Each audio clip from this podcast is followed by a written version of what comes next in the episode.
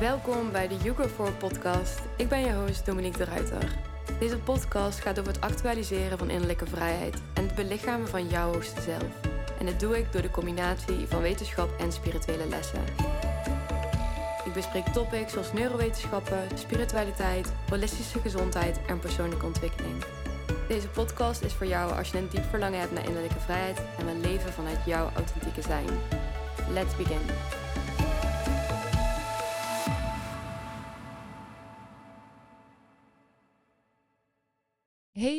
En welkom terug bij weer een nieuwe podcastaflevering. Ik ben zoals altijd weer super blij dat je luistert. En vandaag zijn we weer terug bij een nieuwe podcast. Wederom met Noelle. Aangezien de vorige podcast zo'n succes was. En ja, de vorige podcast was meer een soort van introductie voor mijn gevoel. Het was, we zijn echt, we hebben allerlei topics hebben besproken. En deze podcast willen we graag wat meer de diepte ingaan. Ja. Wat meer specificeren op één topic.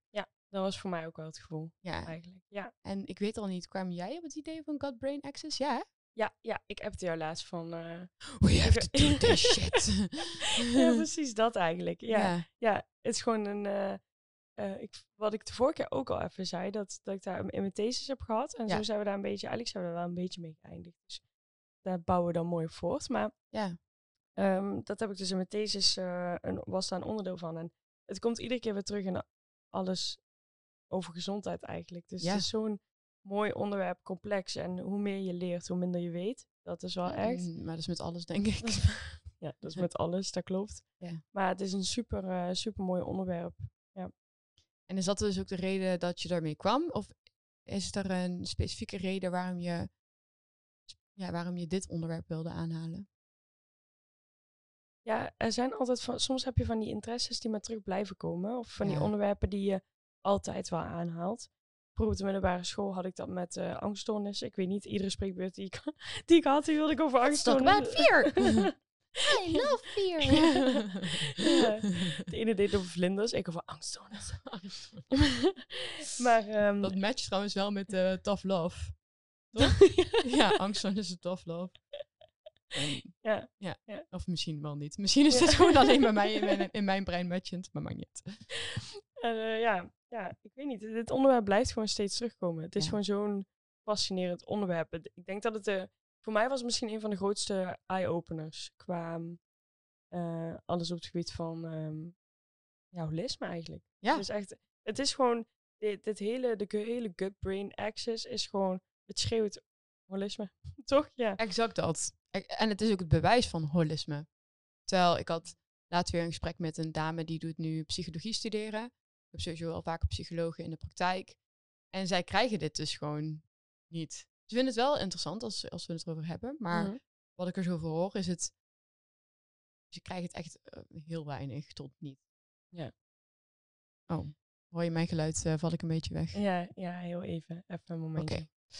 Maar nee, dat is, ja, dat heb ik ook gehad met, het was dat ik dan meerdere richtingen had eh, in Maastricht, maar het gut brain komt eigenlijk niet aan bod. Nee. Omdat, ja, het is geen psyche, zo, zo, zo Ja. wordt het gezien. Ja. Terwijl het wel degelijk ook Psychisch. psyche is. Ja, Het is juist een heel groot onderdeel ervan. Ja, dat is een groot web eigenlijk. En, maar ik kan me wel voorstellen, waar eindigt het dan? Hè? Want als we het gaan hebben over gut-brain axis, moeten we het misschien ook al hebben over brain-heart axis. Moeten we het over verschillende eh, aspecten hebben. En ik kan me voorstellen dat ze, wanneer we kijken naar een bepaald sp- specialisme, dat ze zeggen van ja, we, we trekken daar de grens, we, Ja. we, we houden zeg maar hier de focus op.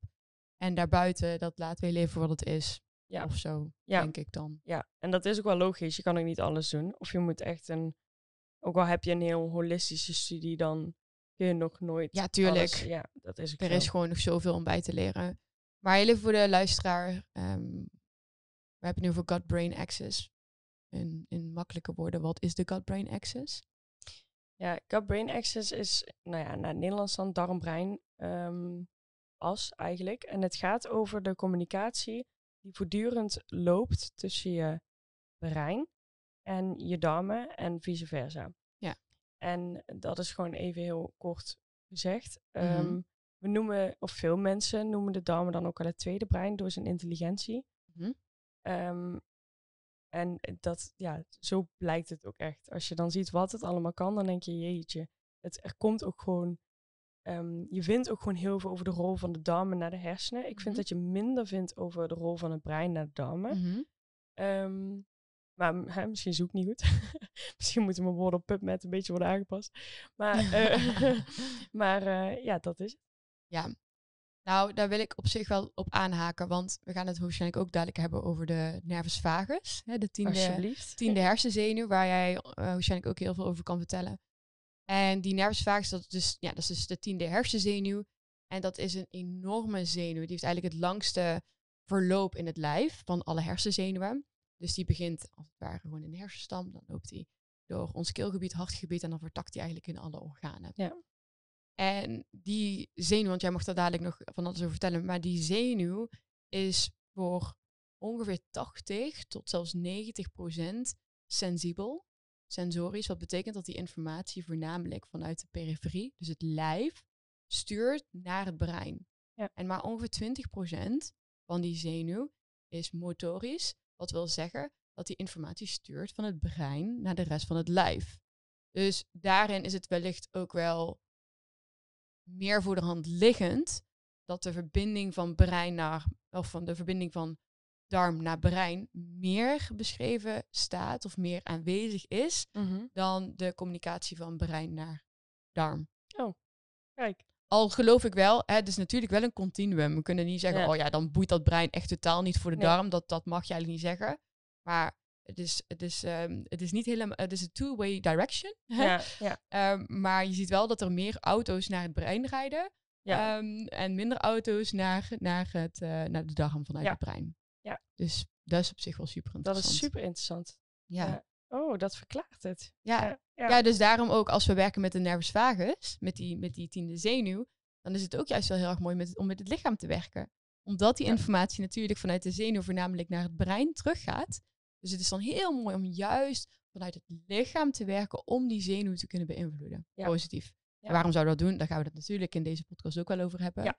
Ehm, maar Ja, dat is gewoon een kleine side note. Ja, want de, de nervus vagus, nu we er toch in zitten, Ja. is eh, eigenlijk wat de communicatie van de gut-brain de gut-brain maakt. Hè? Dat, het is het grootste onderdeel. Mhm. En eh nervus vagus is, zoals je al zegt, de langste zenuw. En ehm, daar gaat al die communicatie erheen. Maar het is eigenlijk een heel groot onderdeel van het parasympathische zenuwstelsel. Ja. Eigenlijk kunnen we het zo misschien wel zeggen dat hoe actiever de nervus vagus, hoe meer rust. Mhm. Lichamelijk rust. Kan je iets meer vertellen over die, dat die paras... Want eh, mensen zullen misschien nu denken, parasympathicus, what the fuck are you saying?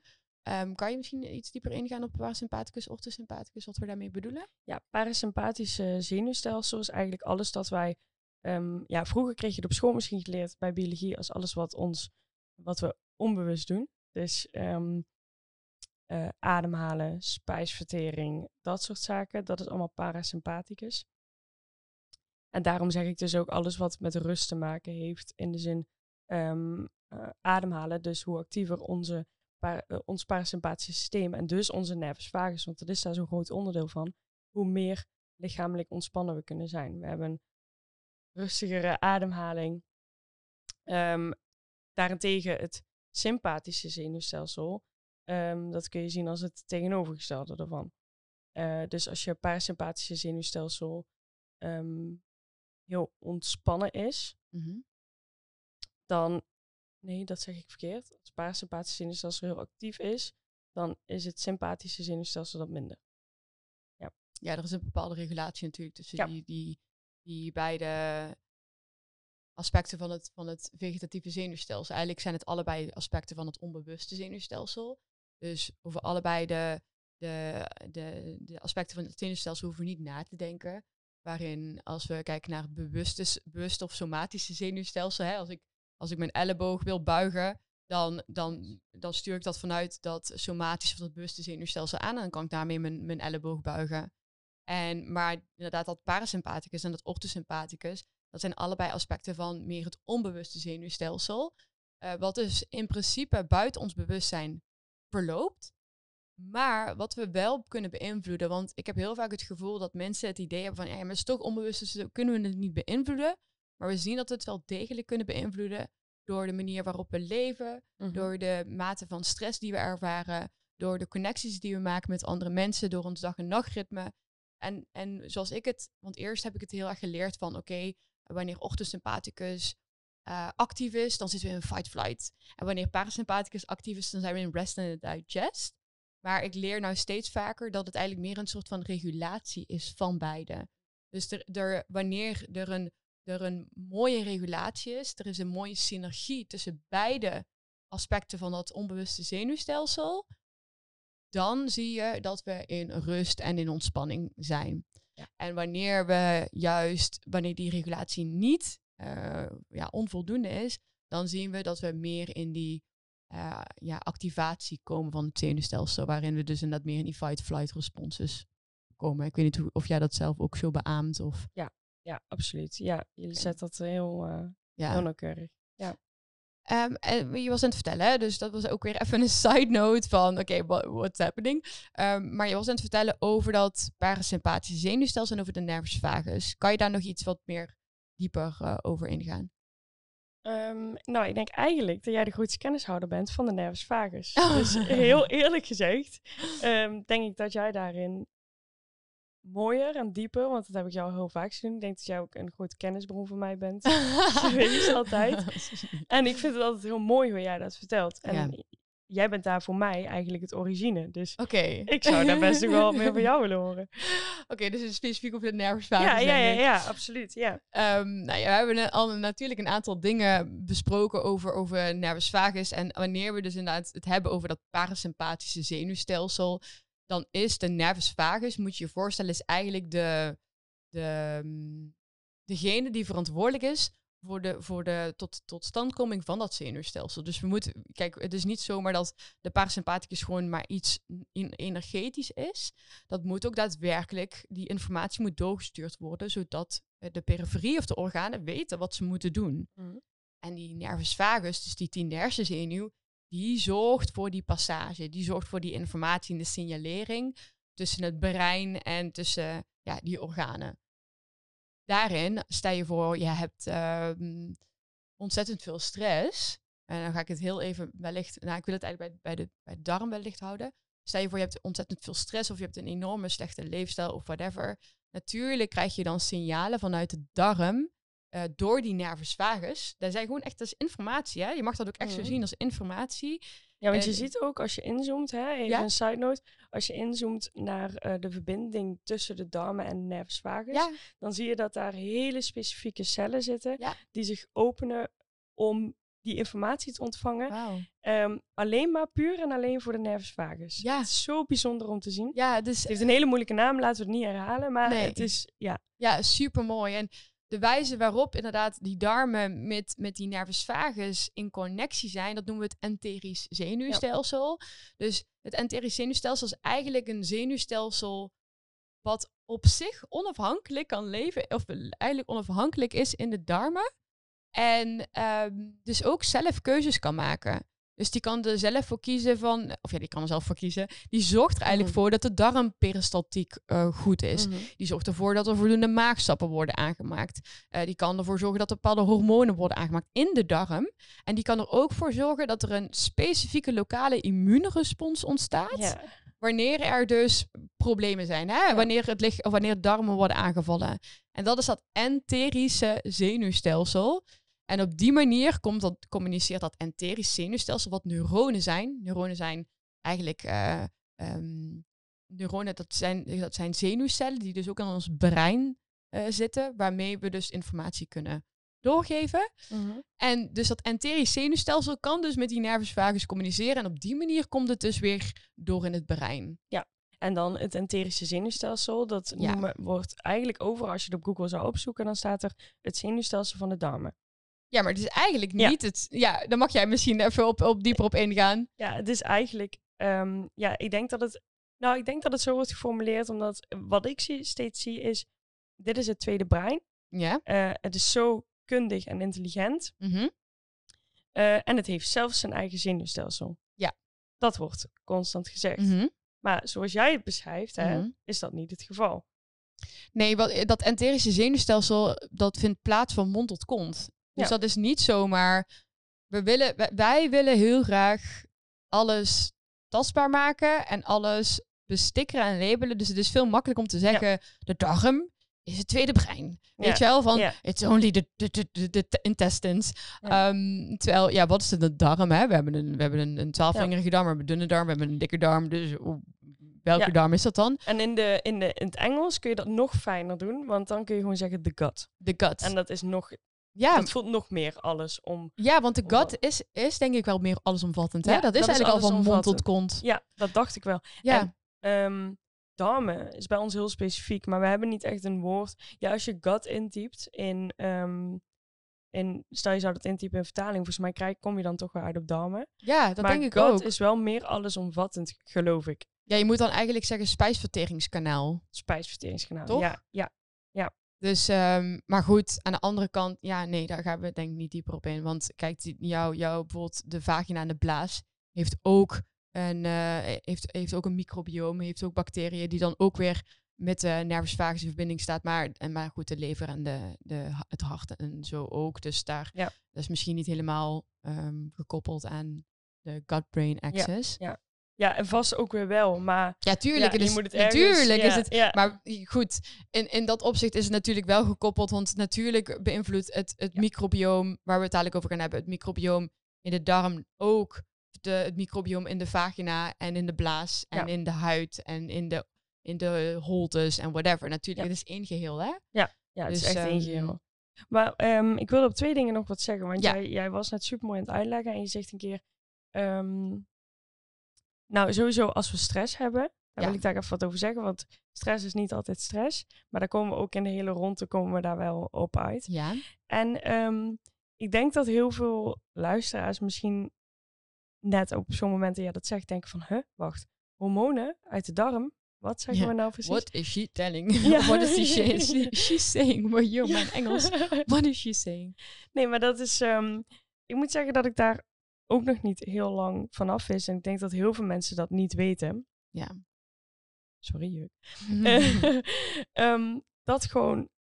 Volgens mij is het ook bij dat sowieso dat hormonen worden aangemaakt of en verzonden naar de, naar de hersenen of naar het brein Mhm, eh, vanuit de darmen. mhm. Nou, dat was voor mij echt. Ik denk, wat, die heb ik niet met biologie. Ja, hoe kunnen, hoe kunnen we dit nou niet weten, ja? Hoe kunnen we dit niet weten? Ja, hoe kan het dat het niet gewoon algemene kennis is? En het Mhm. zegt misschien dat dat voor heel veel mensen ook meer zegt. Meer iets tastbaars is van waarom je voor je darmen moet zorgen. Mhm, Het is niet alleen de drol die in de wc valt. Nee. het is zoveel meer dan dat. Maar Ja. ik kan me heel goed voorstellen als je denkt van... hé, en over het algemeen, ontlasting is een heel goed punt om naar te Ja. kijken van hoe jouw darmgezondheid eruit ziet. Ja. Maar het is niet alles. nee. Ehm, ik denk dat het voor mij maakt het dat heel veel meer van oké, het is zo cruciaal. Want als iemand zegt het is goed voor je breingezondheid, Mhm. dan maakt dat waarschijnlijk meer impact dan het is goed voor je darmgezondheid. Ja. Verwacht ik, vermoed Ja. ik. Eh, maar er worden dus gewoon hormonen aangemaakt, op basis van die hele cyclus, bijvoorbeeld stress van buitenaf, ehm, die eh, via de nervus vagus naar eh, de hersenen transporteren. Ja, is eigenlijk een. ehm, het, is, het is zo dat de darm in staat is om inderdaad de hormonen aan te maken. En die beïnvloeden de hormoonhuishouding in het brein. Ja. Maar het is niet zo, hè, we hebben het al vaker over dat bijvoorbeeld 95% van de serotonine wordt in de darm aangemaakt. Precies. Maar het is niet dat die 95% van die serotonine dan weer dat, dat we ehm, dat die naar het brein komt en dat die daar dezelfde functie uitvoert. Nee. Dus dat is, ik denk dat dat wel goed is om te weten, want we willen dan Ja. heel graag van, oh ja, serotonine in het, in het lichaam zal wel hetzelfde zijn als serotonine in het brein. Dat is niet waar.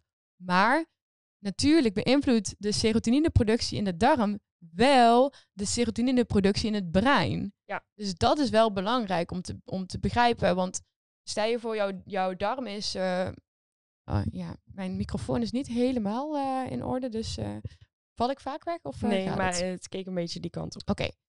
Ehm, dus eh, waar was ik? Als jij eh, een, bijvoorbeeld een, een doorlaatbare darmbarrière hebt, zal ik maar even zeggen. Dus eigenlijk de, de darm, dat is normaal gesproken een barrière tussen de binnen- en de buitenwereld.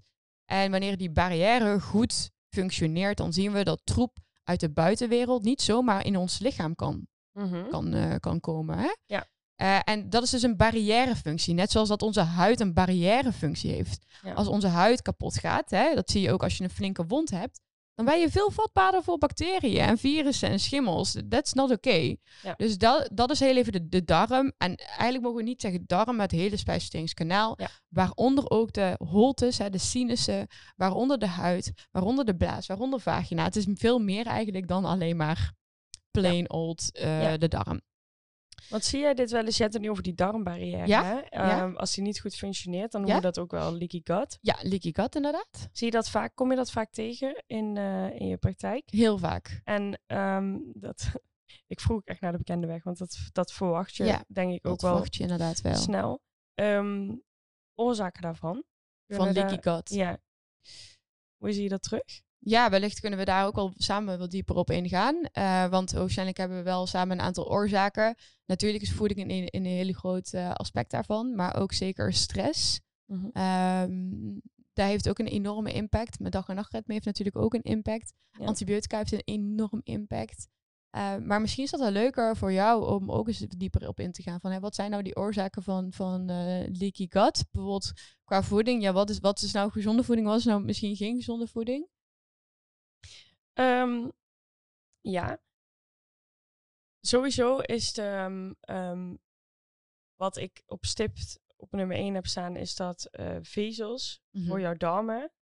Dit zijn gewoon de, ja, hoe moet ik dit zeggen? Dit zijn de stoffen voor je, voor je darmen. Zonder vezels werk, kunnen je darmen gewoon niet fatsoenlijk fungeren. Nee. En vezels, dan kunnen we denken aan peulvruchten, Mhm. ehm, groenten Mhm. natuurlijk. Mhm. Het zijn vaak een beetje, mm, voor mijn gevoel, de clichés van de, van de, mm, eh, van de voeding die je wel moet eten. Dus peulvruchten, groenten. Sowieso is eh, vis, daar zijn wij als mensheid groot op gebracht. Mhm. Ehm, wij zijn langs de kust gelopen.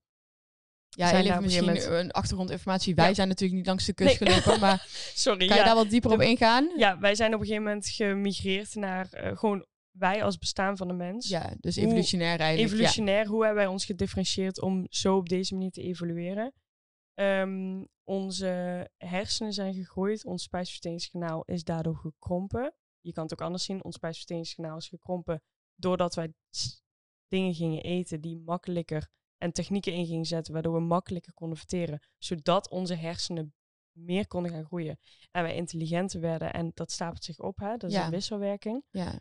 En wij zijn op een gegeven moment, we hebben ons zo gedifferentieerd. Wij zijn langs de kust gaan lopen. We hebben heel veel vis gegeten.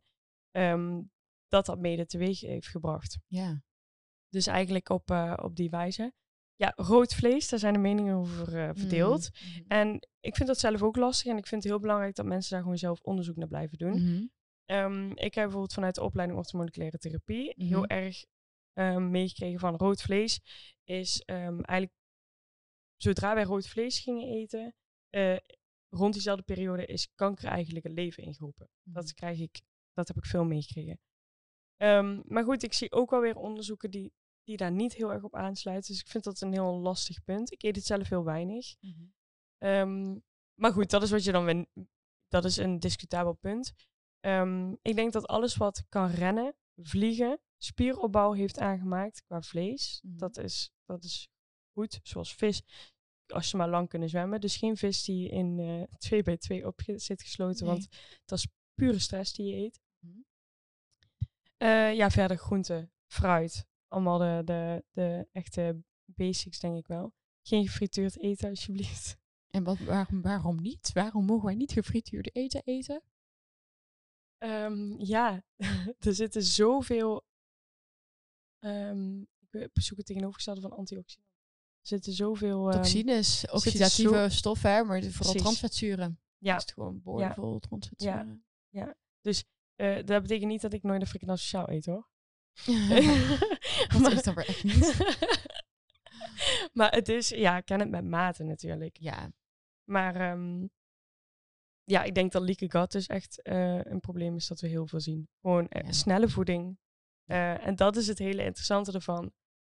Ons lichaam gaat daar meer van vragen. En dan kom je al heel erg tot de cyclus van ja zeker. Ja, precies dat. Hè. Op een gegeven moment creëren we een bepaalde afhankelijkheid naar, naar bepaalde voedingsmiddelen. We- Laatst hadden wij, hadden wij, mijn vriend en ik hadden een documentaire gekeken over ja, over de manier waarop zij op een gegeven moment zijn ze veel meer eh, voeding gaan kunnen produceren. Mhm. Omdat er, eh, ze kregen op een gegeven moment verfijnderde techniek, et cetera. Maar op een gegeven moment hadden ze meer een overschot aan, aan voedsel, bewerkt voedsel. Dus ze moesten de mensen, moesten ze eigenlijk een soort van stimuleren om meer te gaan eten. En daardoor hebben ze bepaalde stoffen toegevoegd aan voeding, zodat mensen over het algemeen op dagelijkse basis meer gaan, zouden gaan eten. Zoals bepaalde eh, suikers, zoals zoetstoffen, zoals smaakversterkers, zoals kleurstoffen. Ehm, eigenlijk um, transvetzuren, eigenlijk alle stoffen die over het algemeen vrij verslavend zijn. Die zijn zich aan toevoegen, zodat mensen stelselmatig meer gingen eten. Wat een hele bijzondere ontwikkeling is. Gezien nu ook, hè, als we een paar de tientallen jaren verder kijken naar de hele diabetesepidemie, waarin we in de vorige podcast ook heel even kort op zijn ingegaan. Maar eh, wat jij eigenlijk al zegt, nou, evolutionair gezien uh, heeft ons spijsverteringskanaal ons op een bepaalde, heeft ons spijs, spijsverteringskanaal zich op een bepaalde manier ontwikkeld. Ja. En wij denken van, oh ja, maar wij ontwikkelen natuurlijk veel sneller. Dat is gewoon niet zo. Onze, we, we ontwikkelen vele malen trager dan dat we denken. Ik geloof dat, het, we, dat we 0,1% van de genen dat die veranderen naar, na een miljoen jaar of zo. Ja, het is echt... Het, Het is echt bizar hoe Ja. weinig we veranderen eh, wat dat betreft. Ehm, en eh, dan is het ook nog zo dat ons microbioom, dus het microbioom zijn eigenlijk alle bacteriën, virussen, schimmels, parasieten die in, in en rondom ons leven, maar die er wel voor zorgen dat wij kunnen functioneren als mens. Als wij dat microbioom hè, die- dat niet hadden, dus dan zouden we niet als mens kunnen, kunnen leven. Dan waren we geen mens. Ja. Maar we hebben tot wel, ja, het is minder dan tien keer, maar we hebben tot ja, iets minder dan tien keer zoveel bacteriën en, en, en virussen en, en schimmels en parasieten in ons lijf dan lichaams-eigen cellen. Het is zelfs zo de mitochondriën, dus echt de energiefabriekjes in onze, in onze cellen, die maken dat we kunnen leven, dat we energie kunnen produceren. Dat zijn delen van bacteriën. Ja. Dus dat is, dat is heel erg bijzonder. Dus door de hele evolutie hebben we niet alleen maar, zijn we niet genetisch ontwikkeld, maar hebben we ook een bepaalde verbinding gekregen met het microbioom hè, van de wereld. Dus met, met, met de bacteriën en de virussen, et cetera, die, die, er, die er altijd zijn geweest. En wat doen wij? We zitten nu natuurlijk in een maatschappij waarin er ongelooflijk veel nieuwe stoffen zijn ontstaan. Maar dat, waarin we ook zien dat de, het microbioom, microbioom van wat er vroeger aanwezig was in de natuur, dat, die, dat we daar veel minder mee in contact zijn. Ja. Waardoor we natuurlijk ook steeds zieker worden. En hoe kunnen we inderdaad weer meer in contact komen met dat microbioom?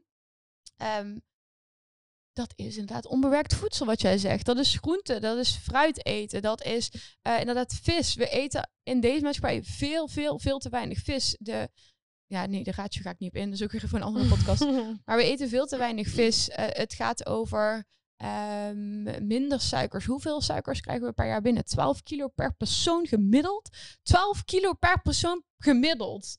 En dan zitten wij hier te zeiken over chronische ziektes. Terwijl ik denk van eh, l- 12 kilo ja, oh mijn god. per persoon. Dat is echt heftig. dus ehm, ja, Hoeveel, zou dat, hoeveel zou dat honderden jaren geleden zijn geweest? ja, dat is echt eh, Want, eh, we- dat kunnen we zeggen, honderden jaren geleden. We zijn zo heftig veel in de laatste, ehm, 50 jaar. laatste 50 jaar, Ja. denk ik.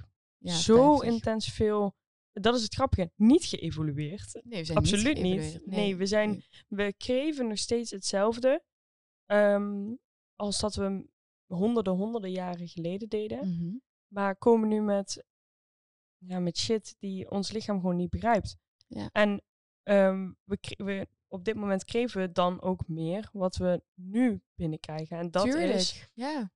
je, ja, je, ik heb nog nooit zo goed, ik snapte nooit wanneer mensen, je, je bent wat je eet. Mm. Ik denk, wat, Wat, bedoel nou? je hier nou eigenlijk precies? Want het is, oh ja, ja, ja, maar ik snap helemaal niet wat je zegt. ja, ja, ja, ja. Mag jij niet authentiek jezelf, ja, oké, zo. Ja.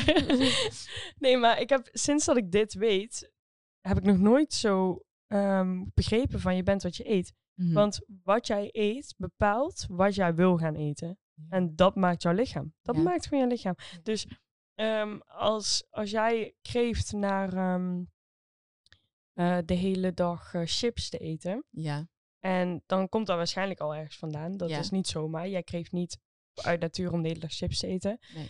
Eh, want je wil iets met goede voedingsstoffen en chips is dat niet.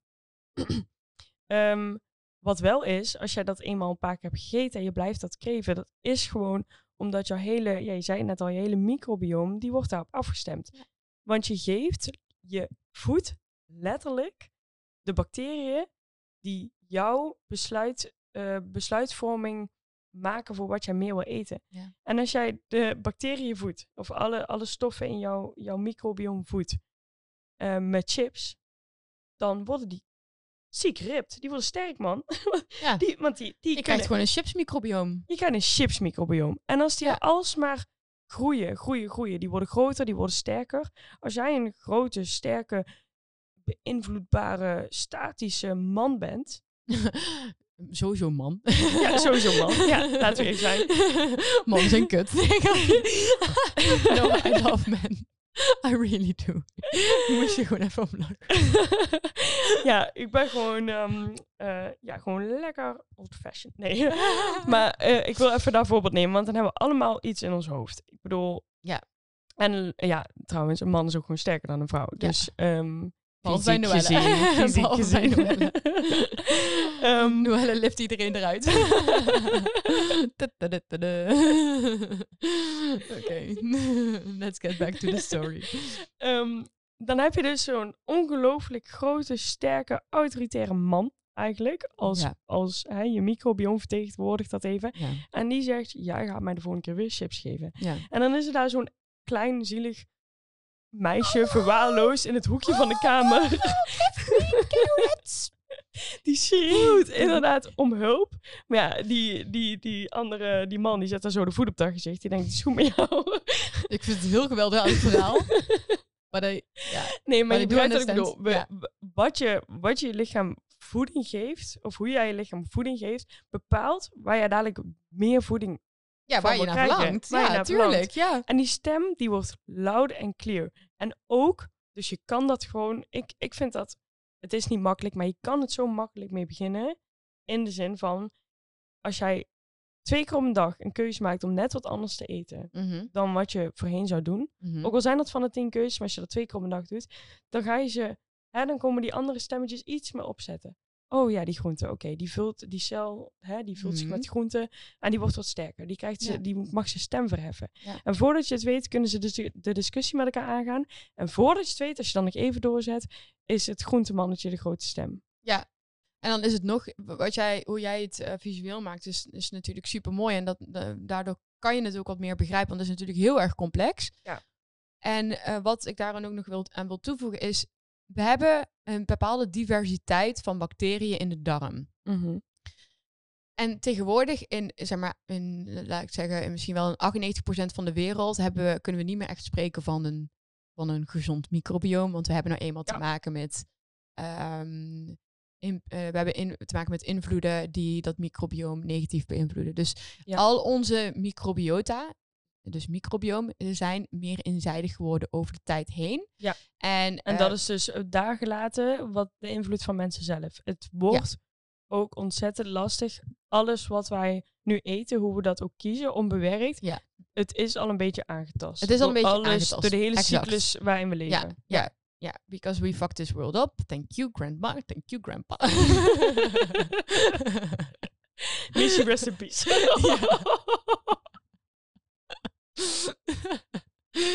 maar, dus ja. People fucked up this world really bad. Now we must pay. Oké, nou, back to reality. Maar, waar had ik het ook over? Oh ja, nou dat microbioom. ja, sorry. Dat microbioom, dat, ho- da- da- de, des te groter die diversiteit van dat microbioom, des te beter. Dus in plaats van dat je één, eh, één grote machtshebbende, autoritaire, narcistische man hebt, die het ervoor het zeggen heeft, dus Mhm. die chipsman, zal ik maar even zeggen, ontstaat er op een gegeven moment een soort van community. Dus stel je voor, je gaat steeds meer onbewerkt voedsel eten. Je kiest ervoor om te mediteren. Je kiest ervoor om minder stress toe te laten. Je drinkt voldoende water. Je, weet ik veel, je, je eet genoeg vezels. eh, je eet vis. Ehm, nou, al die zaken.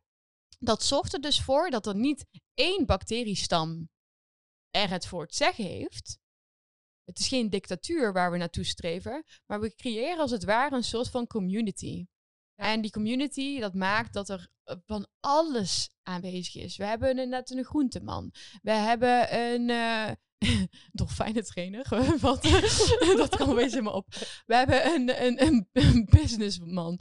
We hebben een, een voetvrouw, voetvrouw. We hebben een mantelzorger. We hebben, uh, weet ik veel, we hebben sowieso ontzettend veel. Ja, en wat ik daar heel even snel aan toe wil voegen. Je mag ook best, laten we niet doen alsof we alles perfect moeten doen. Je mag ook best een een klein chocolademeisje hebben en een uh, Zeker. klein chipsjongetje. Alleen ja. dat moet niet overboeken. Precies, want al die zaken maken, als zolang, dat, zolang ze in balans zijn, creëer je ook een harmonieuze community. Ja. Waarin we ervoor zorgen dat we juist meer terug kunnen geven. In plaats van dat we alleen maar pakken en pakken en pakken.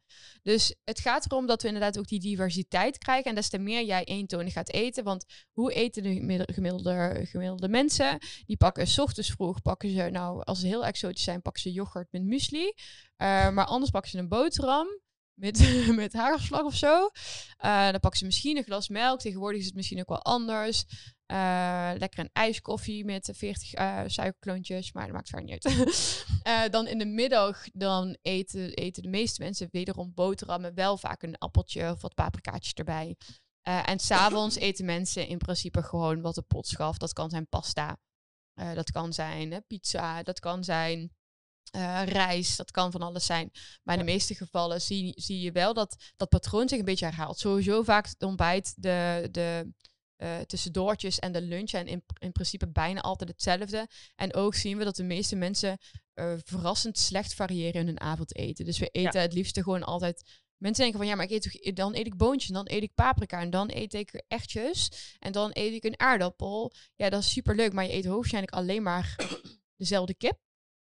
Uh, je eet waarschijnlijk uh, voornamelijk pak je of pasta of pak je rijst of uh, whatever. Of, of lasagnebladen, wat allemaal van hetzelfde is gemaakt. En daar zit ook je microbioom aan. Hè? We hebben microbioom, dat halen we uit planten, dat halen we uit dierlijke producten, dat halen we uit mhm. wat de natuur ons heeft gegeven. Dus we zien ook daarin dat we door dat, door dat eenzijdige dieet, dat we eigenlijk ons eigen microbioom iets meer toxisch aan het maken zijn. Want als er een eenzijdig microbioom ontstaat, dan is dat eigenlijk een voorbode voor een verhoogde ontstekingsactiviteit. Mhm. En voor leaky gut. Dus ja. het is wel belangrijk dat ook die variatie van voeding enorm belangrijk is. Het is hartstikke leuk als jij iedere dag broccoli eet. Maar eet jij standaard ochtends, middags, avonds broccoli.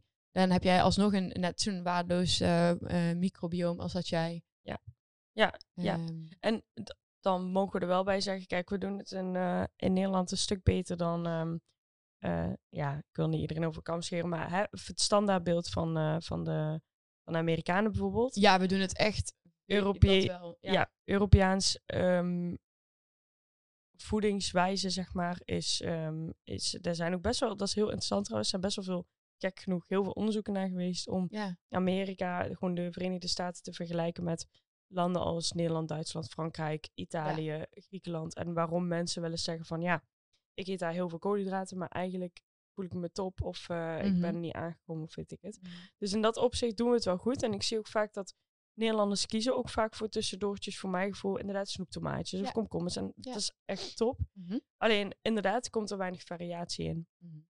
Um, dus ik weet niet of dat door, door de leefomstandigheden zijn, de drukte van de dag, dat weet ik niet. Maar waar ik nog op in wilde haken, jij zei net, um, waardoor er allemaal ontsteking, hoe zei je precies? Ontstekingsactiviteit? Ja, mhm. allemaal verhoogde ontstekingsactiviteit. En mhm. daar wilde ik even kort op inhaken dat, um, omdat je zegt verhoogde ontstekingsactiviteit, er vinden constant ontstekingen plaats in ons lichaam. Uh, kleine ontstekingen, en die moeten er ook zijn. Als wij, als wij nooit zouden ontsteken, dan is er ook iets mis. Want dat is gewoon een normale reactie van het, af, uh, van het immuunsysteem, ja. van het afweersysteem. Als wij niet ontsteken, betekent dit dat onze immuuncellen dus niet hun werk kunnen doen. Ja als wij nooit.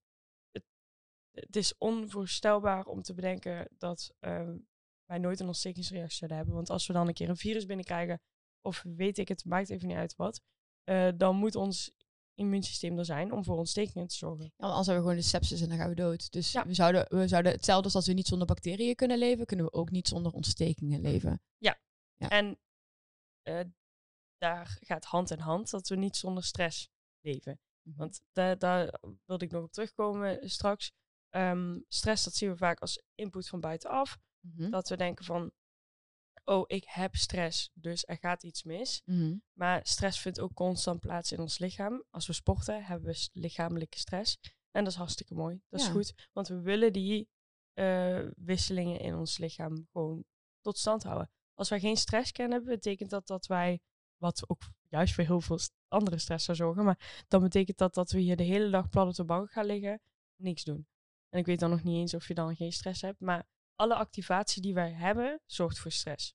Ja, maar stress is ook. Stress is uiteindelijk ontwikkeling. Stress is uiteindelijk groei. Ja. Zonder stress, hè, als we als babytje worden geboren, die stress hebben wij nodig. Alleen al door het geboortekanaal, eh, om daar doorheen te komen, dat is stressvol. Maar dat hebben we nodig voor de vorming van ja. onze schedel. We hebben stressoren nodig, we hebben prikkel, prikkels nodig om ons brein eh, te laten groeien. Ja. We hebben stress nodig om ons lichaam sterker te maken. Dus ja, tuurlijk, zonder stress zijn we nergens. Nee, nee. En ehm, iedere keer, we geven iedere keer, zonder uitzondering, ons lichaam stress wanneer we eten. Wanneer we drinken. En dat is niet erg. Dat is Ehm. Maar kleine slokjes bijvoorbeeld, zoals wat ik nu aan het doen ben, Mhm. ehm, zou eigenlijk bijvoorbeeld niet al te aan, aan te raden zijn. Eigenlijk wat je wel eens hoort van bulk drinken, dat ken jij ook wel. Ehm, sommige mensen geven een advies om in één keer heel veel te drinken. Mhm. En waarom is dat zo? Omdat iedere keer als je kleine slokjes pakt, jouw lichaam als het ware scant. Oké, wat gaat er op dit moment door mijn lichaam? En dat is dus een activatie, want het immuunsysteem die scant dat. Dus een activatie van het immuunsysteem. Die gaat even scannen, ta, ta, ta, ta, heel klein. Is het allemaal goed wat ik naar binnen pak? En ook met voeding. Alles wat in onze mond gaat. Ook als jij drie uur lang op een kauwgom koudt. Dan is jouw lichaam drie uur lang, of jouw immuunsysteem bezig van oké, wat komt hier allemaal naar binnen? En wat is dit? Want ik, je blijft maar kauwen, je blijft maar in die activatie. Dus dat is iets wat je, wat je eigenlijk wel wil afraden. Ehm, maar goed, het is heel goed dat als wij twee maaltijden of drie maaltijden op een dag hebben, dat ons immuunsysteem actief raakt. En ons alarmeert als er iets binnenkomt dat niet kloppend zou zijn. Ja. Dus, goede stress. Ja, Dat is hartstikke top. dus wa- wat, ehm, wat, wat is dan goede stress en wat is foute stress en welke invloed heeft dat dan op, op die gut-brain axis? Hè? Want daar hebben we het in principe over. Ja. Nou sla je de spijker, Spijker op zijn kop. ja, ja. Ehm, goede stress is precies het voorbeeld dat ik net gaf. Hoef ik niet meer op uit te breiden. Eigenlijk is gewoon, we nemen iets eh, tot ons, eten, drinken, en tot gescand door ons immuunsysteem. ehm, of dit oké is. Dat is een voorbeeld van goede stress. Mhm. Gewoon de activatie puur van je immuunsysteem. Slechte stress is wanneer we ehm, langdurig, want we, hebben een stressas, laat ik het zo even noemen. Dat heet de HPA-as, eh, de hypothalamus pituitary axis. Ehm, en dat, eh, dat, dat is als... Nee, de pituitary en dan eh, adrenal. Eh, oh, vergeten. sorry. Ja, sorry. eh, Ja. ja. eh, Dus eh hypothalamus. ja. eh, pituitary adrenal axis. Ja, ja. Ehm, ik ben het Nederlands woord voor pituitary vergeten. Dus het is de hypothalamus, Ja, hypofyse. hypofyse. Hypo, hyp- ah, ja. nou ga ik het ook Hep, eh, hep, hep. Pituitary is Ja. het. Ja. Ja, ja. Eh, dat is in ieder geval, ik noem dat gewoon even een stressas, want dat is denk ik het makkelijkste om het te begrijpen. Dat is een reeks van acties die worden ingezet ehm, om eh, bepaalde stoffen af te geven die in ons stresssysteem horen. Ja. Dat gebeurt, we, we activeren onze stress eh, als wanneer we gaan trainen. Want we, we, hetzelfde als dat we zouden vluchten, we gaan rennen, onze hartslag gaat omhoog, we hebben stoffen nodig die, die dat stimuleren, dat we vooruit kunnen. Ook nog goede stress wanneer we dat langdurig hebben, dus als mensen in eh lekentaal of gewoon onder de mensen zeggen ik heb stress, dat is de foute stress. Mhm. Die foute stress, die is vaak in onze westerse maatschappij langdurig. Is Mhm. echt, die, die, eh, die duurt dagen, weken, maanden. Mhm. En dat is iets wat ons lichaam uitput. Mhm. En als je dan een, keer, een beetje wil kijken in hoe die cyclus dan gaat, eh stress zit niet in ons. Eh, het is niet van, oké, hiervan krijg je stress, ja of nee. Waar we het al over hadden, hè, puur een reflectie op je eigen emoties en gedachten. Geef je er iets om of geef je er niks om? Factoren van buitenaf, stel jij zegt nu tegen mij, je bent echt lelijk en ik had die overtuiging al. Dat is een factor van buitenaf die mij eventueel stress kan, kan triggeren. Wat gebeurt er dan? Bij stress worden ehm, ehm, door ons lichaam langzaamaan, want het gaat dan om langdurig even, hè, niet zoals bij trainen. Langzaamaan worden hormonen afgegeven die bij onze stress horen. En dat zijn, Cortisol, adrenaline, Ja. noradrenaline. ja, precies, allerlei stress, eh, stresshormonen. Die hormonen, die afgifte van die hormonen, die hebben één op één invloed op onze darm. En dat kun je op twee manieren zien. Ze hebben sowieso invloed op onze darm, want die hormonen worden afgegeven. Dat, Mhm. dat beïnvloedt dat heel sterk. Je kan het ook zien dat mensen onder momenten van stress vaak hun voed- voedingskeuzes aanpassen. Mhm. Je hebt geen zin in hele hoge momenten van stress, en langdurig vaak, om heel uitgebreid iets aan te pakken. Je bent moe. En moe ben je omdat je lichaam zo ontzettend veel werkt. Stress pakt de overhand en je ehm, andere systemen in je lichaam worden een beetje op de backburner gezet. Zoals je spijsvertering. En dat is mooi. Dat is niet mooi, maar dat is een heel mooi plaatje wat je dan vormt. Ga je slechter eten, je spijsvertering doet het al minder, je gaat slechter eten. Het heeft allemaal invloed. Gewoon die factor van buitenaf heeft allemaal invloed op jouw darmen. En jouw darmen, zoals we net al zeiden, die gaan schreeuwen van, oh ja, hier wil ik nog meer van, hier wil ik nog meer van. Ehm, we gaan minder van bijvoorbeeld serotonine aanmaken. Daar hebben we geen ruimte voor. Dat lukt niet. Dus 95% wordt in onze darmen gedaan. Maar dat komt op de backburner, dat wordt nog lager. En dat gaat weer terug naar ons brein. Al die, die, die, die goede en slechte bacteriën, waar de slechte bacteriën de overhand hebben gepakt. Ons microbioom ligt helemaal eh, uit zijn rimmen. En dat heeft weer zijn effect op het brein. Krijg je dat weer terug? Hetzelfde voedingssysteem, hetzelfde stresshormonen. en het put je lichaam daadwerkelijk uit. Tot het moment dat je ook gewoon niet meer kan. Nee. Dat, zo heftig kan het worden. Dat je gewoon niet meer Ja. functioneert.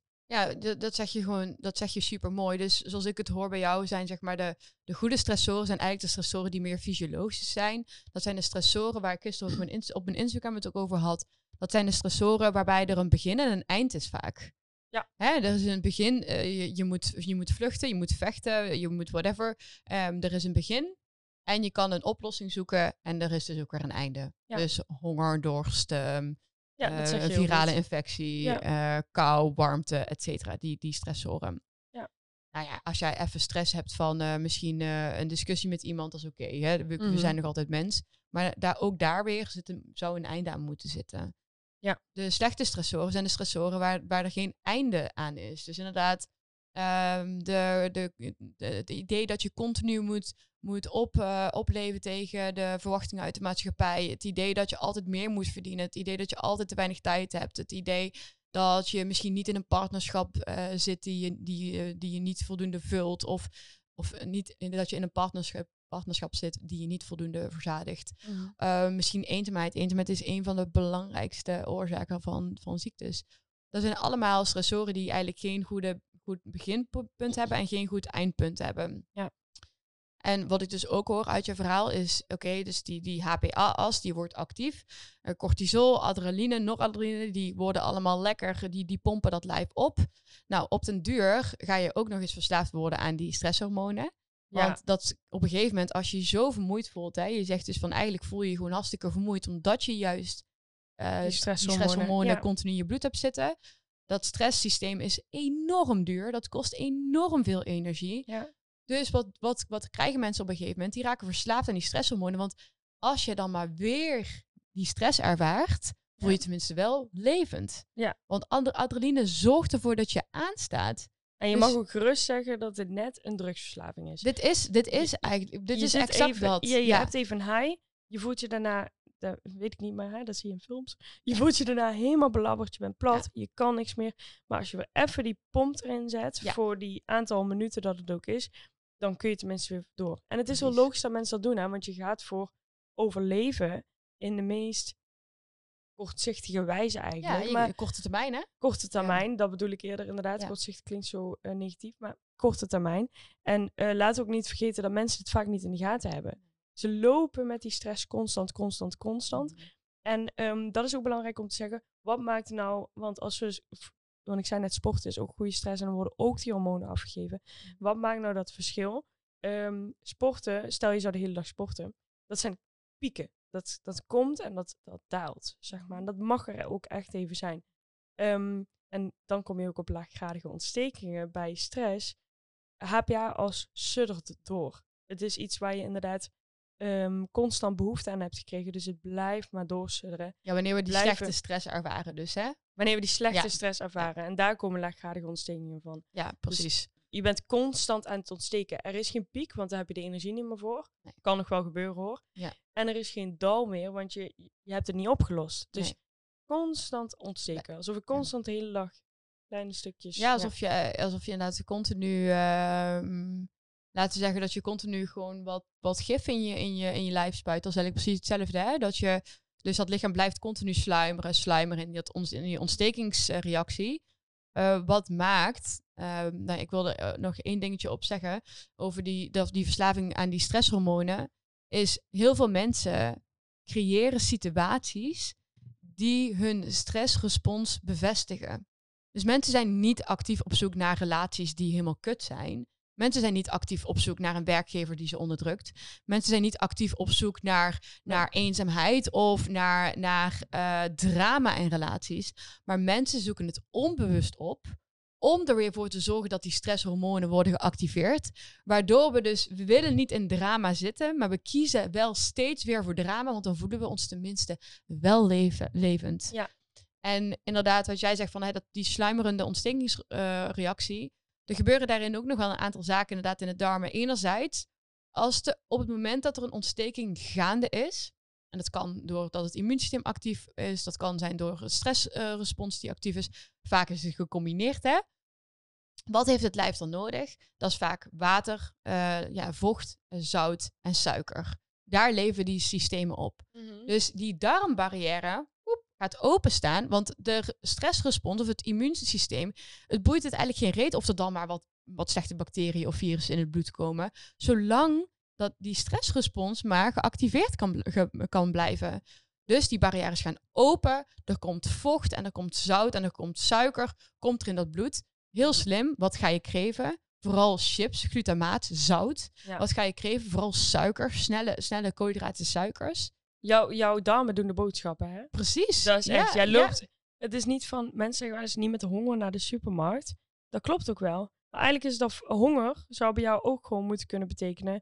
Oh, ik wil echt die bloemkool uit het schap halen. En ik snap dat, daar heb ik zelf ook niet... eh, ja, soms wel trouwens, ik hou van bloemkool. Maar Mhm. eh, je hebt ook wel eens gewoon echte cravings. Maar je darmen doen de boodschappen. Dus als jij...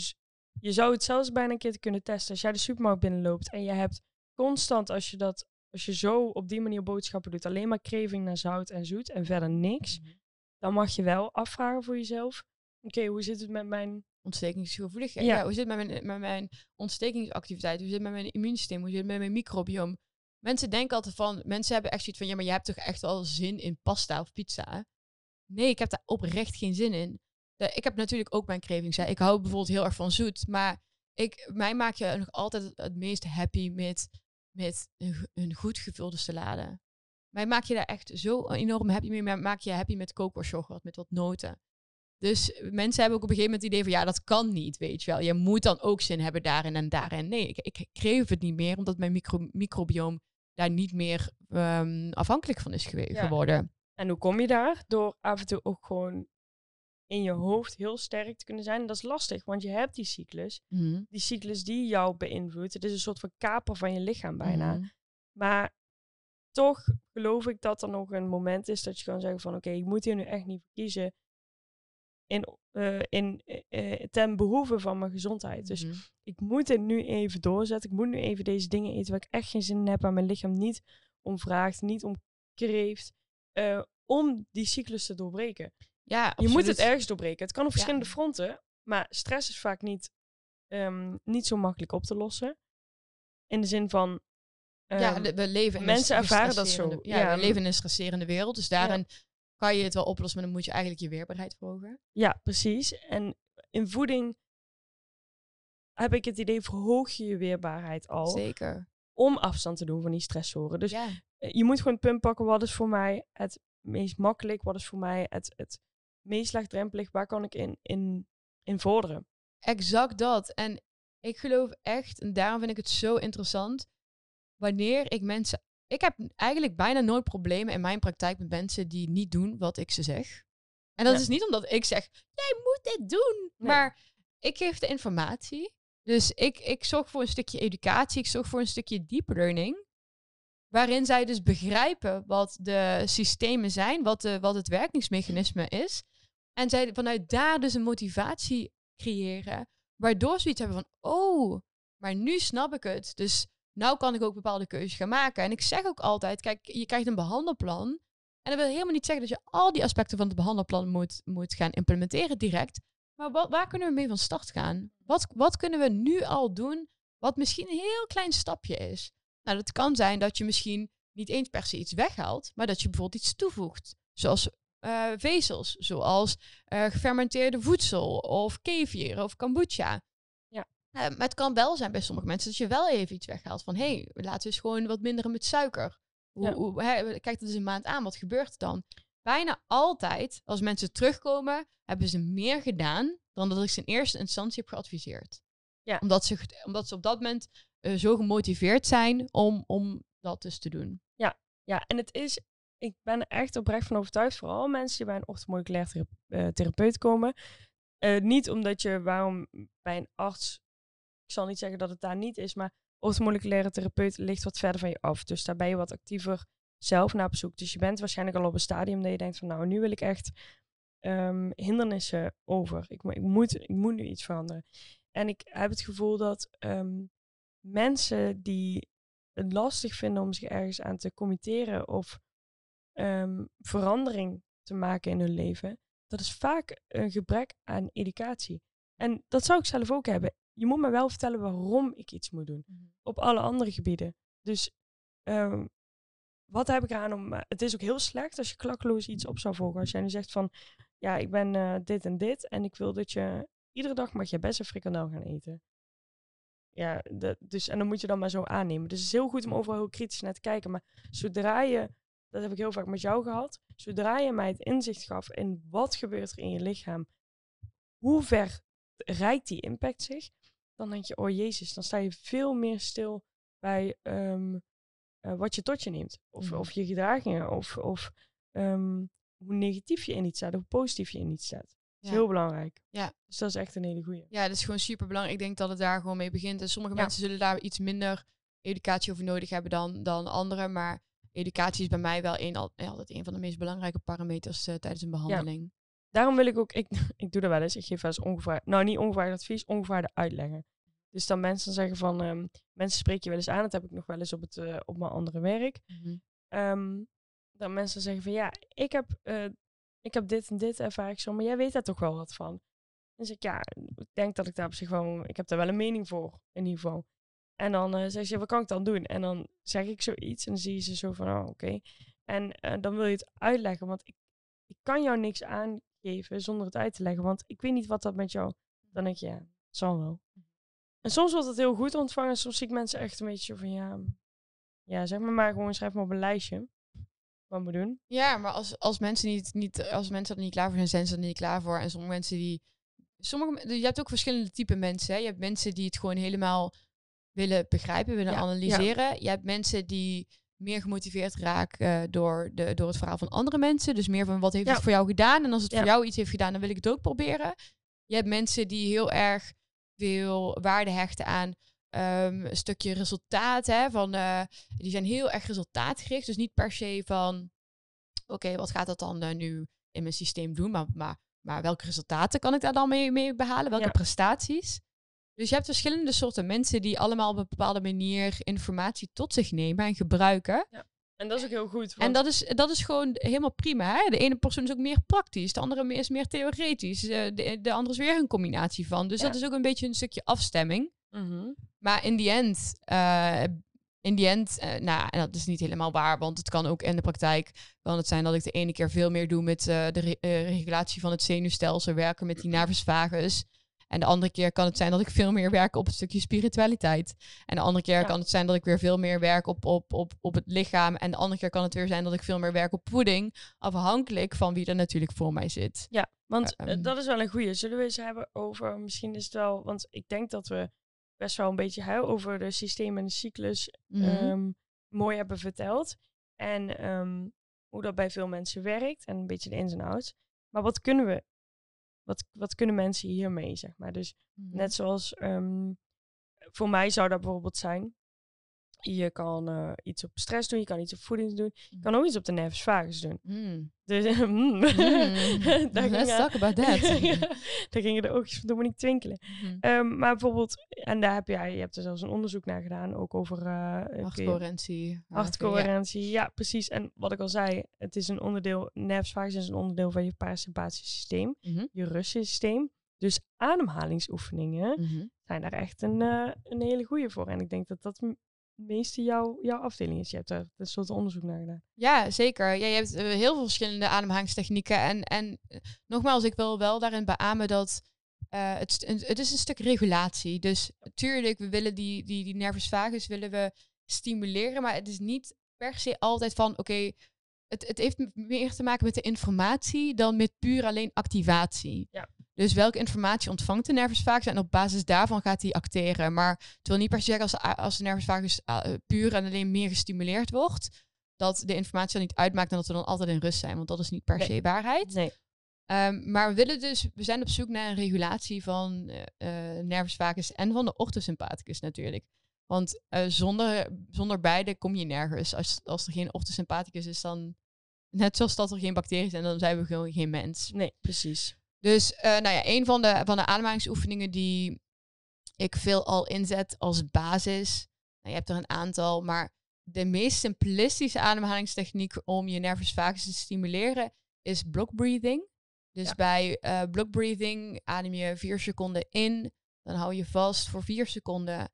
En dan adem je vier seconden uit en dan hou je weer vast voor vier seconden. Dus je Ja. bent een blokje aan het tekenen. Dus omhoog vier seconden, vast vier seconden, naar beneden vier seconden en weer terug naar vier seconden. En deze manier van ademhalen zorgt ervoor dat die, dus die nervus vagus wordt gestimuleerd. En dat is een van de meest makkelijke interventies die mensen kunnen doen. Vooral als ze bijvoorbeeld merken van, hé, ik kan niet lekker slapen. Ik ben eh, veelal gestrest. ehm, ik, eh, dingen grijpen me heel snel aan. Ik word heel snel geraakt. Ik kan het niet goed loslaten. Ja. Om eigenlijk weer terug te komen in die regulatie.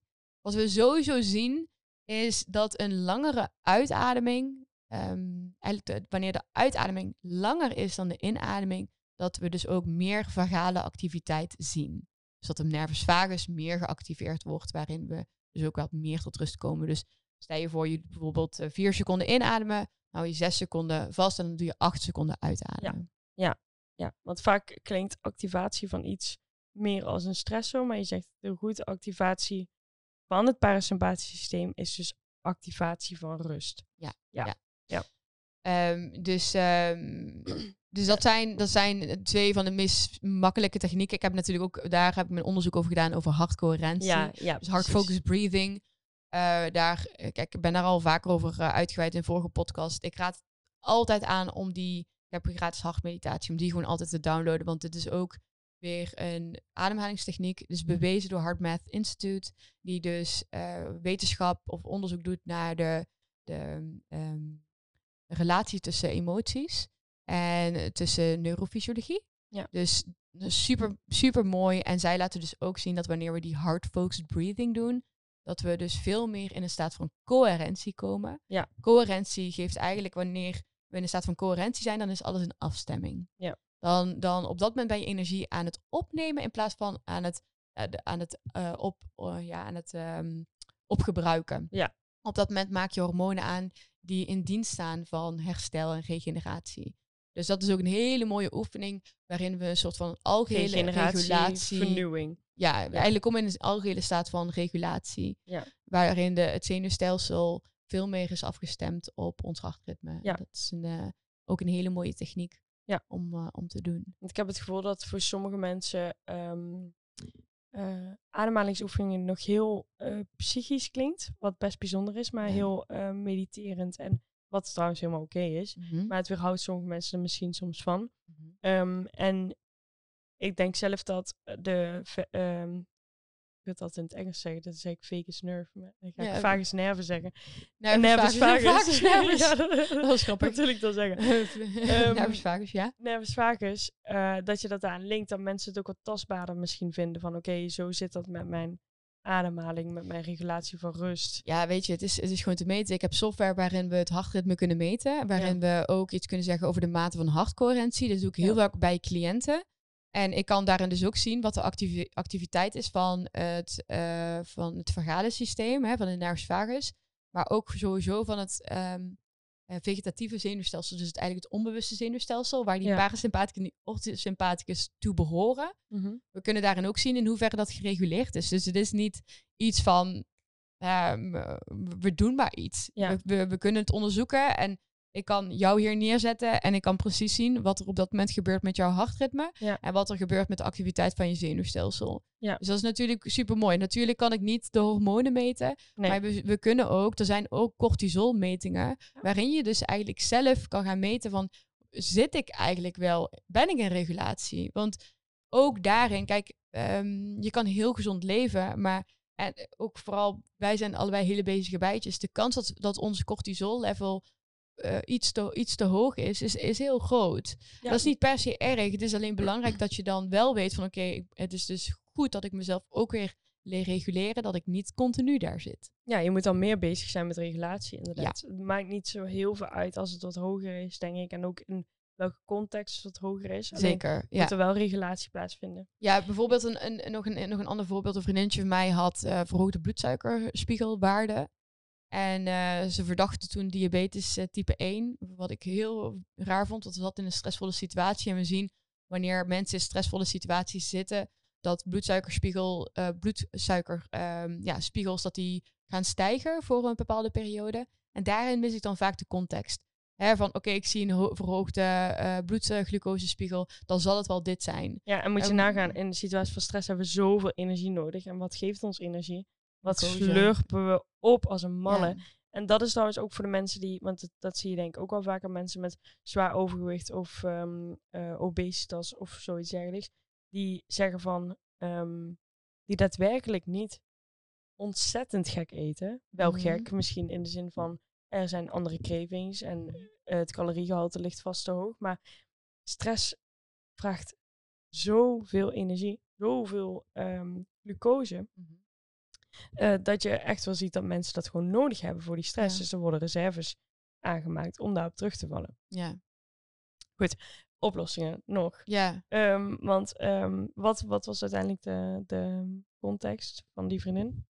Ja, ze had gewoon heel veel stress gehad. Dus dan is het ook logisch dat, dat die bloedsuikerspiegels uh, natuurlijk, of dat, dat haar bloedsuikerspiegelwaarde op dat moment voor haar, voor haar verhoogd zijn. Want glucose ja. gaat veel hoger zijn in het bloed wanneer we te maken met stress. Ik heb zelf een bloedsuikerspiegelmeting gedaan. Ja. waarin ik bijvoorbeeld, uh, ik heb, dat is een meting van twee weken. En uh, tijdens het spinnen, nou, mijn bloedsuikerspiegel die, die ging op hol, die ging zo omhoog. Ja. Dat is natuurlijk een stressor. Ja. We mogen niet vergeten dat we op dat moment, dat was misschien wel de hoogste piek van de hele dag. Uh, als ik ging Ja. spinnen of ging hardlopen. Um, dus we, we mogen de context niet vergeten. Nee. Nee. Als we in veel stress zijn, ja, tuurlijk is de bloedsuikerspiegel dan uh, hoogstwaarschijnlijk hoger. Als we in veel stress zitten, hoogstwaarschijnlijk is dan cortisol hoger. Ja. En dat is niet erg, maar kunnen we weer reguleren? Ja. Kunnen we weer terugkomen naar staat van harmonie en afstemming? En ehm, buiten ademhaling en eh, het reguleren van de Zenuwstelsel. Ja, ja, eigenlijk van je hele zenuwstelsel. het hele zenuwstelsel, ja. Ja, ja. Ehm, zijn, hebben we eigenlijk ook al dingen genoemd, zoals vezels eten. Je hoeft Ja. niet per se, als dat echt een te grote stap is, want ik ben er wel van overtuigd dat ehm, als je te grote stappen neemt, dat zijn teleurstellingen voor jezelf. Mhm. Die, ehm ehm, culminate, die, die bouwen zich op tot, tot ja, weer terugvallen in misschien wel erger gedrag. Mhm. Dus je moet kleine winst maken voor jezelf. Nou, Ja. begin met het eten van vezels. Ja. Eh, van mijn part, kijk, eet jij, ehm, even heel overdreven, maar eet jij een zak chips en eh, een reep chocola op op een dag, Mhm. ehm, dan wil je dat natuurlijk afbouwen. Maar als dat lastig is, probeer dan eerst die vezels erbij Ja. te doen. En dan is het wel goed om te weten, om te denken vaak van ja, maar brood heeft toch ook vezels? We zijn eigenlijk op zoek naar bepaalde soorten vezels. Dus Ja. niet alle vezels zijn even goed voor ons. Ehm, ik ben zelf bijvoorbeeld niet echt fan van psyllium huskvezels, et cetera. Eh, de vezels uit brood, eh tuurlijk doen die wel wat voor, de, voor het toevoegen van vocht aan het losting, maar die, dat, dat, die voeden de, de darmbacteriën niet. Nee. Dus we zijn op, specifiek op zoek naar bacteriën Groente. zoals inuline en fos, hè, Ja. fructo-oligosaccharide. Daar zijn dus inderdaad vezels in eh, knoflook, in ui, Ja. in chirurgij, in knollen, in wortelen, eh, in groene bladgroenten, maar ook in cacao. Maar, dus, maar let er wel op. Dus geen witte chocola of melkchocola, maar liefst pure chocola. Ehm, daar, zitten, daar zitten gewoon hartstikke veel goede vezels in. Ja. En ze moeten daarin wel kijken. Ja, pasta. Zit toch, eh, ik heb volkoren pasta. Ja, maar het is niet de vezels die jouw microbioom gaat Nee. voeden. Nee. Dus ook daarin toch weer eh, context. En heel erg terug gaan denken naar wat, wat, wat is most likely, zeg maar, wat vind ik het ehm, grootste kans dat ik dit terug zou vinden zo in de natuur, zeg maar. Ja, Daar probeer ik wel vaak over na te denken. ja. Van, zou ik dit ook echt, zou ik dit in de natuur tegen kunnen komen of Ja. niet? Ja. Eh, en als dat niet zo is, wil niet zeggen dat je het nooit mag eten. Weet je, ik eet ook Nee. wel eens een keer een, een lekkere ijs met slagroom. En ik eet ook wel eens een keer cheesecake. Ik ben voornamelijk toch wel meer een zoete kou. Eh, voor mij hoef je niet per se pasta's te gaan klaarmaken of pizza's. Of, eh, daar ben ik wat minder van, gelukkig. Maar gun jezelf dat ook. Hè? Het gaat allemaal om balans.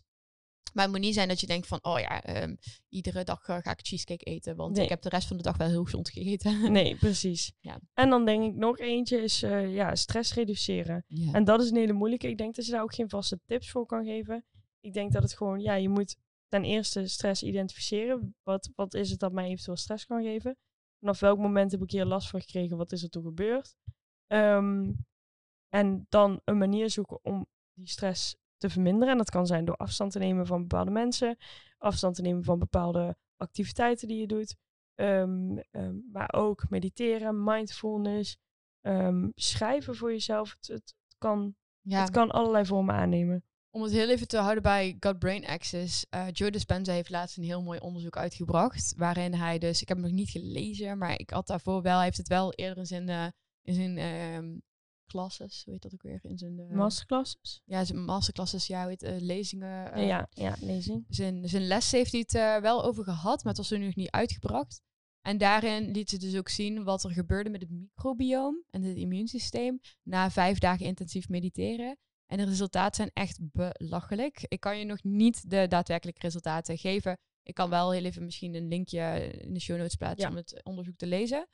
Dus als we zien, eh, wat we over het algemeen zien, is dat we met, door middel van mediteren direct, zonder dat we ook maar iets met voeding doen, iets met slaap doen, iets met de connecties in ons leven doen, puur en alleen op de meditatie, dat we dan al een enorme impact maken op het microbioom, dat er veel meer variaties in het microbioom, ehm, dat er eh, veel minder sprake is van leaky gut, dat er een veel hogere mate is van regeneratie van het weefsel, dat er minder hoge levels zijn van cortisol en adrenaline in het bloed, dat er hogere levels zijn juist van DHEA, dat is eigenlijk een hormoon dat cortisol reguleert.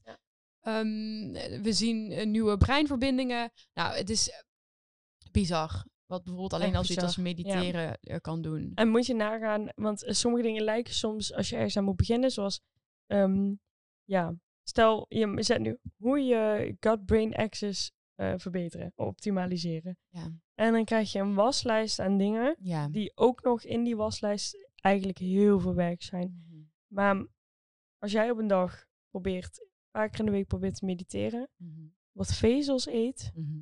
ehm, en wat ademhalingsoefeningen, ik denk dat je, en dan doe je al best wel veel hè, ik denk dat je dan zo ver komt. En het, Ja. het, het, het stapelt zich op naar alleen maar meer en meer en meer.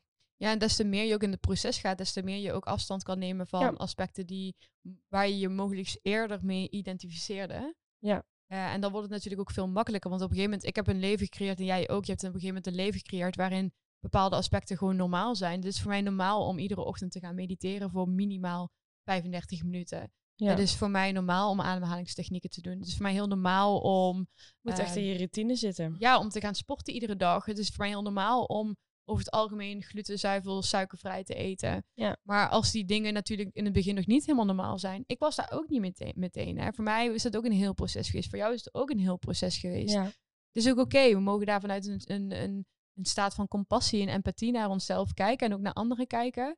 Maar ergens is het ook weer weer die schop onder je reet van... Ja, maar if nothing changes, nothing changes. Ja. Dus je zal toch echt met je billen van de bank af moeten komen om ervoor te zorgen dat je iets gaat ondernemen.